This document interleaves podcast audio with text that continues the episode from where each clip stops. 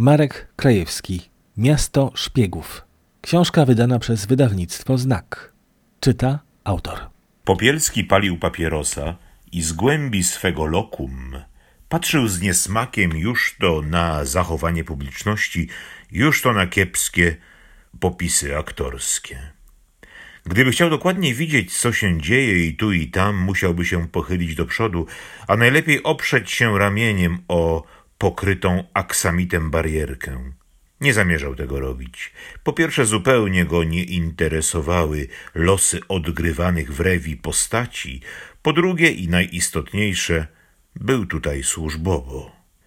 Popielski czekał na jednego z najważniejszych ludzi polskiego wywiadu i kontrwywiadu wojskowego.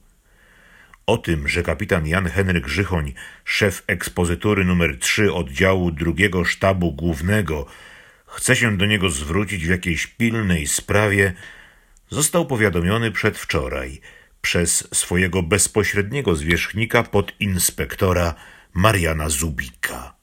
Naczelnik policyjnego urzędu śledczego poinformował komisarza, iż pojutrze ma się udać na rewię do Kolosseum, gdzie przyjdzie do niego do loży as polskiego wywiadu odpowiedzialny za szpiegowskie zmagania z Niemcami. Złośliwa mina Zubika mówiła wyraźnie, iż cieszy się on w duchu na popsucie swemu podwładnemu letniego wieczoru. Powiedzieć, że obaj panowie za sobą nie przepadali, to powiedzieć zbyt mało. Popielski nie lubił być zaskakiwany i tego samego dnia, kiedy dostał polecenie tajnego spotkania, zaprosił swojego kolegę z policji politycznej, komisarza Franciszka Piroszka, do restauracji Markusa Laufera przy Sobieskiego.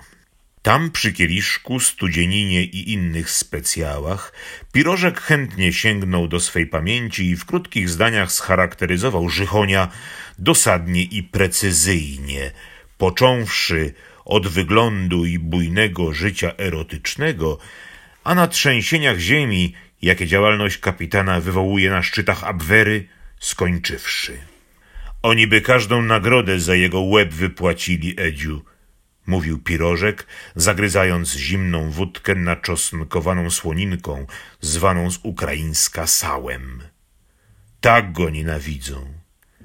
Kilka razy już chcieli go porwać i wydali na niego nawet wyrok. Wyobraź sobie, że nie ma w wierchuszce wywiadowczej naszych kochanych sąsiadów z zachodu nikogo, kto by nie umiał prawidłowo wymówić nazwiska Żychoń. Tak często się tam o nim mówi.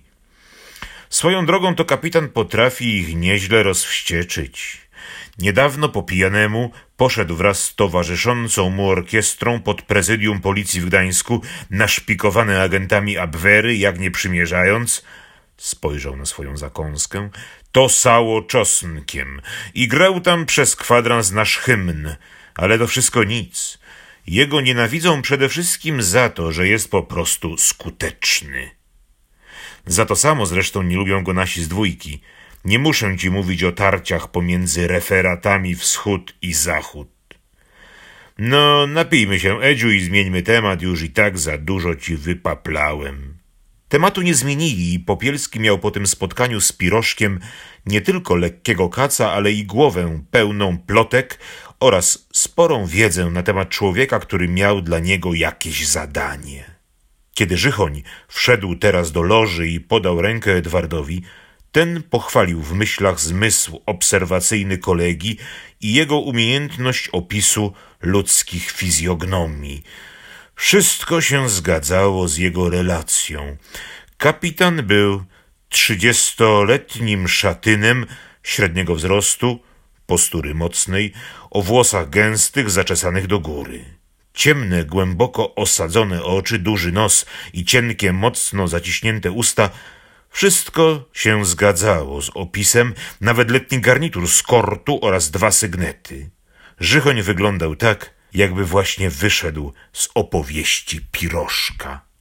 Marek Krajewski Miasto Szpiegów Książka wydana przez wydawnictwo Znak Czytał autor